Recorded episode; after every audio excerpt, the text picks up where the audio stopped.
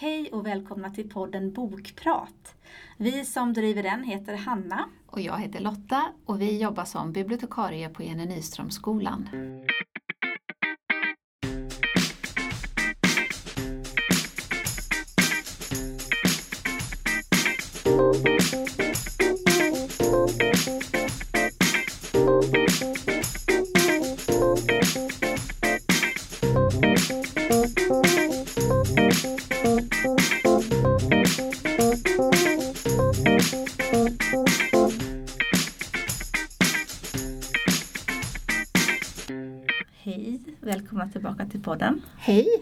Det dags igen. Jajamän, Och vi har ju två böcker med oss idag. precis. Vi har insett det att vi får kanske banta ner till två veckor annars pratar vi Vi alldeles pratar för länge. alldeles för mycket, vi får. Nej, men jag ska börja med min bok och den heter De bortglömda namnens bok och är skriven av en kvinna som heter Kristin Harmel eller någonting sånt, hon är amerikanska. Jag tycker bara boken är väldigt vacker. Mm. På framsidan så ser man en ung kvinna som står med en bok, alltså man ser henne bakifrån och hon håller i en bok bakom ryggen. Och sen på bokens rygg så har den liksom den här gamla, det ser ut som ett gammalt läderband. Eh, det här är en författare, hon har skrivit några titlar innan men det är hennes första eh, bok som är översatt till svenska. Eh, och det, den handlar om andra världskriget. Den börjar 1942 i Paris och då kan man tänka, men åh, behövs det fler böcker om andra världskriget? Det finns ju väldigt mycket både på facklitteratursidan och på skönlitteratursidan. Men det finns ju så mycket vinklingar liksom som man kan hitta och den här boken är då från en ung kvinna, hon heter Eva Traube, eh, från hennes synvinkel. Hon och hennes familj kommer egentligen från Polen men de har bott i Paris under en tid, det vet jag inte riktigt hur länge. Pappan, eh, och de är judar, det kanske jag sa. Ja. Pappan har, han eh, lagar skrivmaskiner, du vet sådana här gamla skrivmaskiner. Mm. Eh, och den här unga flickan Eva hon följer ofta med sin pappa så att hon har lite, liksom, lite kunskap om papper, bläck och eh, ja, liksom hela den, eh, det skrået. Eh, och 1942 så gör nazisterna en stor räd i, i Paris. Och de lyckas bli lite förvarnade om detta. Men jag- tror att, och det, och det, och så, så framgår det i boken också, att man kan liksom inte föreställa sig att detta kommer att hända. Så även om de är förvarnade så är det lite sådär, nej men är det verkligen så? Nej, men de kommer väl knacka på vår dörr och vi kommer förklara att vi har ju bott här länge. Och, ja, alltså, det går inte in vad, vad som kommer att hända. Däremot så lyckas då Eva och mamman att fly undan medan pappan blir tillfa- tillfångatagen. Och ganska snart så vet de också att han transporteras vidare till Auschwitz. Mamman genom hela boken är en ganska osympatisk person. Jag tror att man ska försöka läsa henne i i någon slags desperation, vill inte ta till sig vad som händer, vill absolut inte liksom förstå. Så hon är ganska elak mot Eva och antyder flera gånger att det är liksom hennes fel att inte hon kunde rädda båda föräldrarna. Mhm. Eh, Men jag tror man får försöka läsa henne i det liksom, ja, med den förståelsen av att hon, hon är så förblindad i att det här kan ju inte och han, är, han sitter ju bara någonstans nu och, och snart kommer vi och, och Mm. Eh, vara tillsammans igen. Eh, däremot Eva förstår ju ganska fort att de måste lämna Paris. Och genom hennes fars kontakter så lyckas hon hitta en man som hjälper dem med förfalskade papper.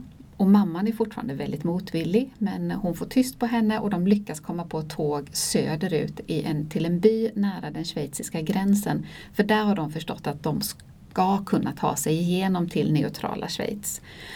Eh, men då, och de kommer fram till byn och du vet, de stiger av tåget och då gäller det ju nu att låtsas att de inte är flyktingar. Att nej, men de är precis där de ska vara. Så de hittar på en liten historia att de ska hälsa på någon moster som precis har varit sjuk eller Mm. någonting sånt där. Eh, men så kommer de till en, en eh, ja, någon liten sån här bed and breakfast-aktigt där de kan bo. Och kvinnan som äger den förstår nog liksom vilka de här personerna är. och så får de kontakt med ytterligare en kvinna som driver en bokhandel och så får de kontakt med en katolsk präst och så visar det sig att alla de här tre ingår i motståndsrörelsen. Och när de ser Evas papper så ser de ju att de här är väldigt snyggt gjorda. Mm. Och så frågar de lite, ja, vem har gjort de här? Och så kommer det fram till att det är Eva. Och så visar det sig att Eva är ha, alltså hon är expert på de här förfalskningarna, att, att hitta rätt papper, att hitta rätt bläck, att, att göra dem exakt sådär. Så att eh, hon dras in i liksom motståndsrörelsen som har en cell då liksom runt den här byn. Och det de gör det är att rädda judiska barn där, som har slitits från sina föräldrar men när man ändå ser att barnen kan, kan vi liksom hjälpa så mm. de eh, förfalskar papper för att de ska kunna ta sig över till Schweiz. Eh, och eh, Eva är den, hon sitter liksom i den här katolska kyrkan i sakristian och gör de här förfalskningarna och där lär hon känna en man som heter Remi. Han är också katolik och han är också förfalskare. Så de två bildar liksom ett par. Och det, upp, ja, det uppstår lite tycke mellan de två också, eller väldigt mycket tycke mellan de två. Mm. Men den är väldigt spännande just det här och väldigt, man man grips liksom med i den. Man kan, alltså den här skräcken hela tiden. Här kommer de här barnen, de hölls gömda på en vind. Och eh, tänker mig ibland, hur kan en tvååring förstå att det är allvar? Men på något sätt så barn fattar det i de här lägena och håller sig spiktysta de gör klart de här papprena och Remi fungerar också som någon slags kurir eller man ska säga som faktiskt hjälper dem över gränsen också. Så när de väl tar sig till gränsen så har de där en station med en annan katolsk präst tror jag det ehm, Och då har han lärt sig hur nazisterna vaktar stängslet och då vet de att de har en lucka på några sekunder och det är en väldigt sådär slimmad mm. organisation. Mm. Men naturligtvis hela tiden är man ju rädd för förrädare. Och det är en förrädare i den här gruppen. Men den utspelar sig faktiskt tydligen lite på en sann historia. Jag har inte riktigt forskat vidare i det här. Men just att den heter De bortglömda namnens bok, det är för att Eva då inser att det här är så små barn så de kommer inte komma ihåg sin egen identitet. När de kommer till Schweiz så kommer de ju i fosterfamiljer och så. Så hon tar en bok i den här kyrkans bibliotek och så hittar hon och Remi på ett eh, vad säger man, liksom ett kodat system för att skriva in barnens namn och datum, ålder och lite så. Mm. Och så tänker hon ju att sen när kriget är slut då kan hon hjälpa till att återförena de här eh, barnen. Eva, som du säkert förstår, hon klarar sig genom kriget eh, och sen så slutar hon upp i USA där hon sen också gifte sig. Och när hon är hon är en gammal kvinna när boken börjar, hon är en gammal kvinna när, när boken slutar så då får man följa henne i nutid. Då om någon, nu kommer jag inte riktigt ihåg hur, men hon får nys om att den här boken finns i ett bibliotek i, i Berlin. Och då återknyts hon igen mm. med boken. Ja. Så att den, den börjar liksom i nutid med den här gamla, hon är bibliotekarie då. eh, och sen så är det och några instick faktiskt i boken så är det nutid igen när man får följa den gamla Eva. Men annars är den ju, utspelar den sig 42 till 45 ungefär. Mm. Eh, men just det här spännande, dels, dels tidsperspektiven och hur hon nu som gammal eh, dam upplever kriget. Och det här modet hos de här motståndsrörelsernas människor att de, att de gjorde det. Och de, och, och, flera gånger blir det liksom i boken att man tycker att Eva gör så goda gärningar, att hon hjälper de här judiska barnen. Och så ändå ställs hon under flera gånger i samvetes... För i början så skulle hon kunna ha räddat sig själv och sin mamma över till Schweiz. Men så fattar hon ju att hennes kunskaper, hennes expertis är så viktiga. Så då mm. stannar de ju kvar. Och mamman, jag kanske inte ska avslöja för mycket men Mamman är arg hela tiden på detta. Alltså, vi kunde ju ha kommit över till Schweiz och därifrån mm, hade vi ju kunnat rädda din pappa. Du, du har förrått hela vår familj. Um, så hon har liksom hela den här skulden att ja. jag räddar dem men vad händer med den? Och, mm. och, det blir liksom flera gånger i den här boken att det blir sådana skuldsituationer. Vem, vems sida och, och, ja. Så jag, men jag tyckte faktiskt att den var väldigt bra. Ja. Man kanske lite kan tänka eftersom den har den här titeln, Den bortglömda namnens bok, att just boken skulle få lite mer utrymme för det är väldigt spännande att tänka sig att det finns en bok med kodade. Men den har egentligen väldigt liten roll utan det är en, en historia om den här unga kvinnan och hennes eh, ja, förfalskarkarriär. ja, just det. Ja. Tänker att det kanske är ett, just ett väldigt bra boktips för de som älskar att läsa om andra världskriget. Och det är väldigt det- många som gör det och det här får man ju kanske ett annat perspektiv. Det är Frankrike, det är en kvinna. Mm. Eh, Men just att läsa motståndsrörelser och de olika Ja. aspekterna av motståndsrörelsen Ja. som mm. eh, ja, Ja, det finns något. Ja, men spännande. Så absolut, tycker man om att läsa om andra världskriget så tycker jag att detta är en bra bok. Den är väldigt lättläst. Eh, Den är ju lite lång, den är ja, 400 sidor ungefär. Men ett lätt språk och Mm. lätt att komma in i och, och spännande ju så att den har ju ett flyt i sig. Ska vi titta på vad du har med dig idag? Precis, jag har ju med mig en eh, Nobelpristagare faktiskt. Eh, Kazuo Ishiguro fick Nobelpriset 2017 om jag inte minns fel. Mm, kan nog stämma. Eh, och ehm, han är ju en det här är den första boken som har kommit ut av honom efter att han fick priset. Men han började skriva på den redan innan. Eh, och jag har ju läst flera av hans böcker och det som jag tycker är lite kul med honom är att han är så olik i sin stil. Från varje bok så testar han liksom någonting nytt. Eh, han eh, har skrivit massa olika typer av böcker. Han har skrivit lite dystopiaktigt, han har skrivit historiska romaner, han har skrivit ja, väldigt många olika saker. Eh, och det känns lite grann som att han hela tiden, ja men som att han har ett rätt så lekfullt sätt att se på skrivande och litteratur, att han testar nytt och, och sådär. Och jag läste någonstans att någon jämförde den här boken med att sitta och bygga med klossar eller så. Mm. Att man liksom bygger upp någonting och ser hur det blir. Och den här boken då som heter Klara och solen den är inne på lite science fiction tema kanske man kan säga. För här befinner vi oss i eh, ett samhälle där tekniken har kommit längre än vad den har kommit i nu. Men i övrigt så är det väl rätt så mycket som påminner om, alltså det är inte ett helt annorlunda samhälle vi befinner oss i. Någonstans i USA tror jag man får, kan sluta sig till. Eh, och Eh, det som är berättarperspektivet i den här boken det är då Klara och hon är det som kallas för en AV eller artificiell vän.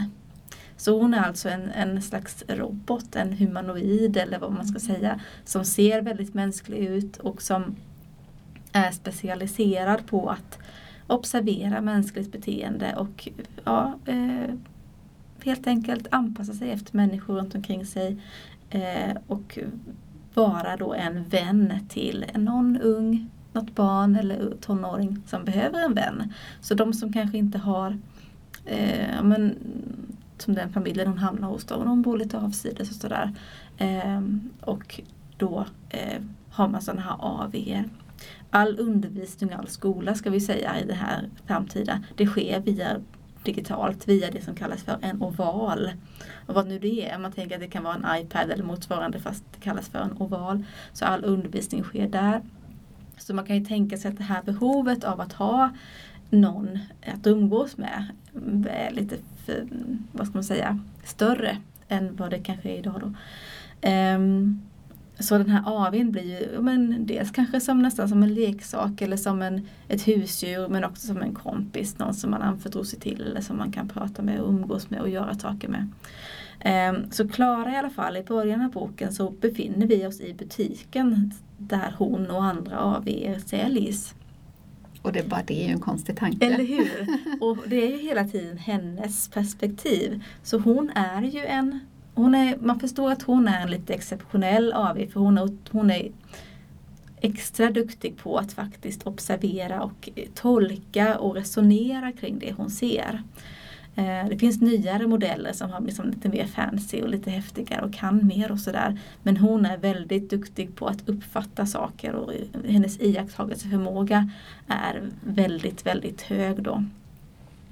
Eh, men hennes berättarperspektiv i alla fall är ju då där i butiken. Hon observerar, hon ser hur de andra eh, AWna kommunicerar och sådär. Hur de kommunicerar sinsemellan. Där finns en butiksföreståndare eh, som då placerar dem på olika sätt i butiken. Ibland får en del sitta ute i skyltfönstret på en soffa. Och där vill man ju vara då för där ser man ju ut på gatan och, kan, och det tycker ju hon är Spännande då. Det tycker hon är det bästa att få sitta där och få se saker.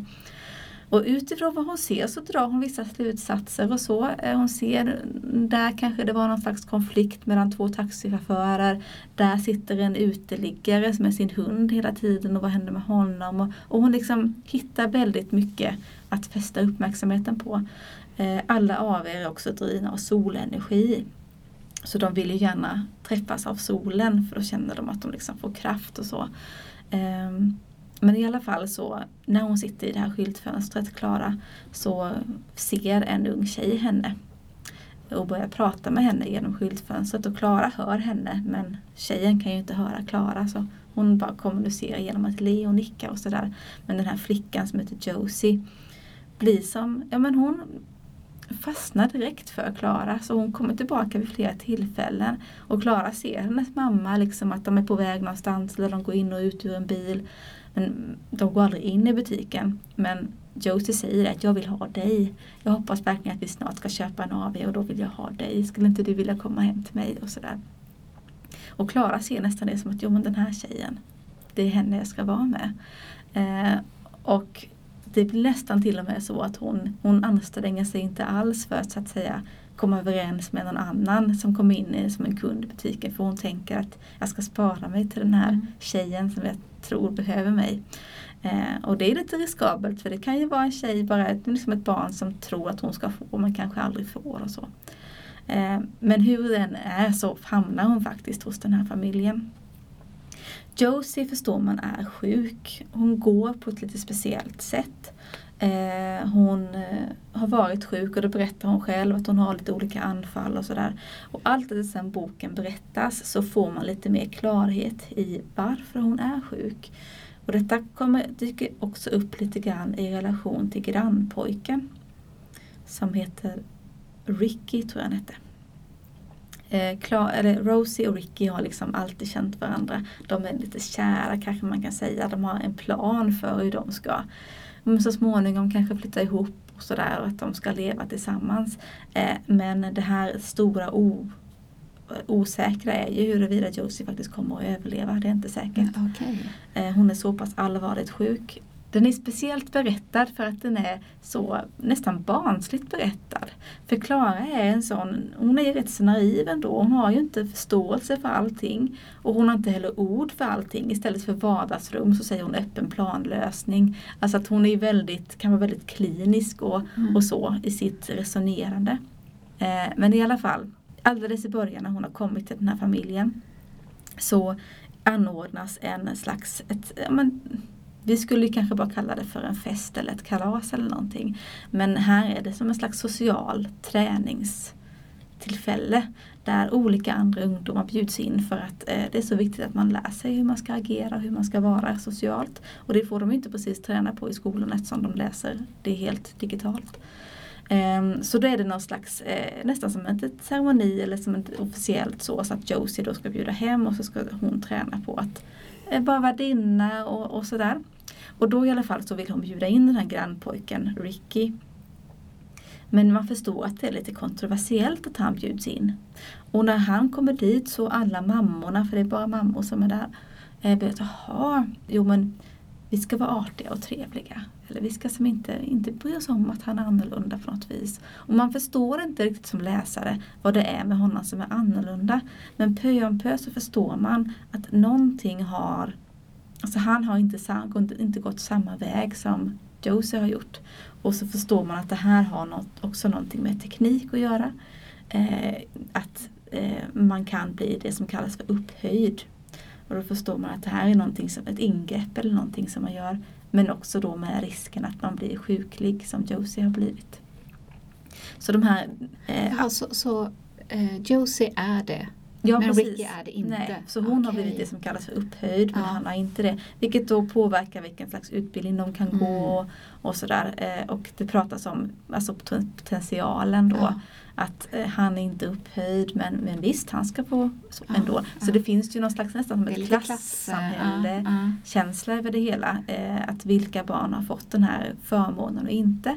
Och det dubbla i då att Josies mamma känner ju att jo, jag gjorde det här för mitt barn men det var ett pris för hon blev sjuk. Det som händer i boken är att man först, Clara lär sig mer och mer om Josie.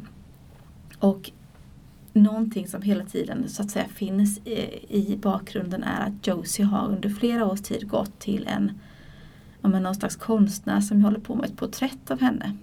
Men hon går dit så ofta och han fotar och gör väldigt detaljerade foton och så på henne och gör undersökningar och sådär. Och man tycker ju, men för ett porträtt eh, så man börjar ju nästan fundera som läsare, vad är det egentligen som pågår där? Och det nystas upp och det har då lite grann med Klara att göra. Och jag ska inte avslöja för mycket av det. Eh, men helt klart så handlar ju boken någonstans om men det essensen i det mänskliga. Vad är det som gör en människa? Vad är det som gör att man älskar eller blir älskad? Och vad är kärlek? Att det blir i och med att man följer Klara och ser hur hon bryr sig och hur hon på något vis ändå känner saker. Hur är det skillnad och sådär. Ja, det är svårt att på något vis. Ja. Jag vill inte avslöja för mycket av boken. Men det här att han är Nobelpristagare, då kanske man drar sig lite för att läsa för man tänker att det är ett väldigt svårt språk och så. Vad Ja, tycker och det du? är ju verkligen inte det. Det här är ju en väldigt lättläst bok. Och det kommer sig delvis av att det är Klara som berättar och hon är så pass enkel i sitt sätt att se på världen. Eh, så att språket är verkligen inte svårt. Det är till och med så att man känner att det här är på ungdomsboksnivå. Eh, och den känns ju lite nästan barnslig ibland. Men sen finns det ju saker såklart att tolka in och saker man kanske måste tänka ett varv till för att förstå och sådär. Ehm, så att, eh, jag skulle säga att den är absolut inte svår att läsa. Men kanske att man vill prata om den efteråt. Mm. Tänker jag. Att den heter Klara och solen, är det just att de här äh, De är ju är soldrivna. sol, ja. Och för Klara blir ju solen, alltså det är ju en han, hon omtalar solen som han. Eh, Alltså hans goda kraft eller sådär. Mm. Så solen blir ju nästan som en, en gud eller Lite något, ö- religion i. något ja. övre så. Eh, Det är ju nästan det som hon, det är det som gör att hon lever. Och i hennes förhoppningar om att på något vis Josie skulle bli friskare så börjar hon tänka att solens kraft även har en potential att bota henne. Så hon börjar nästan tillbe solen. Eh, och eh, då finns det där de bor så är det att solen går alltid ner. Eh, det finns en lada där solen går ner mot horisonten. Och hon börjar nästan se den ladan som en slags, nästan som en kyrka eller som ett sånt Mm. ett ställe dit man går för att prata med solen. Ehm, och det här är ju frågan om, ja, eh, är det faktiskt så att solen eh, lyssnar? Eller är det här bara någonting som eh, Klara skapar för att förstå världen? Och då kan man ju göra kopplingar till annan religion eller vår mänskliga religion. Eh, vad som är vad och vad är det människan som lägger in saker och vad är faktiskt en ja, högre eller övre makt. Och det där är ju sånt som har debatterats eh, i, sen urminnes tider egentligen. Kanske därför han är Nobelförfattare, för det finns så många olika lager. Även om boken i sig är lättläst Ja. så finns det olika lager att fundera och Det finns diskutera jättemycket över. lager i den. Eh, och både vad gäller eh, det tekniska, s- sci-fi-delen men också då som du säger religion och, och allmänmänskliga Ja. frågor. Eh, så att jag tycker att den är absolut läsvärd och tänkvärd. Jag skulle inte säga att det är min favorit av hans böcker men jag tycker att den har verkligen sina poänger. Och jag tycker att det är kul att han är så orädd för att sitta och leka med lite nya saker så att Mm. säga. Det tycker jag är roligt hos en författare. Ja. Ja, är två bra boktips helt enkelt. Jajamän, Då syns vi nästa vecka igen. precis. Får vi se vad vi bjuder på den gången. Så Hejdå. länge. Hej!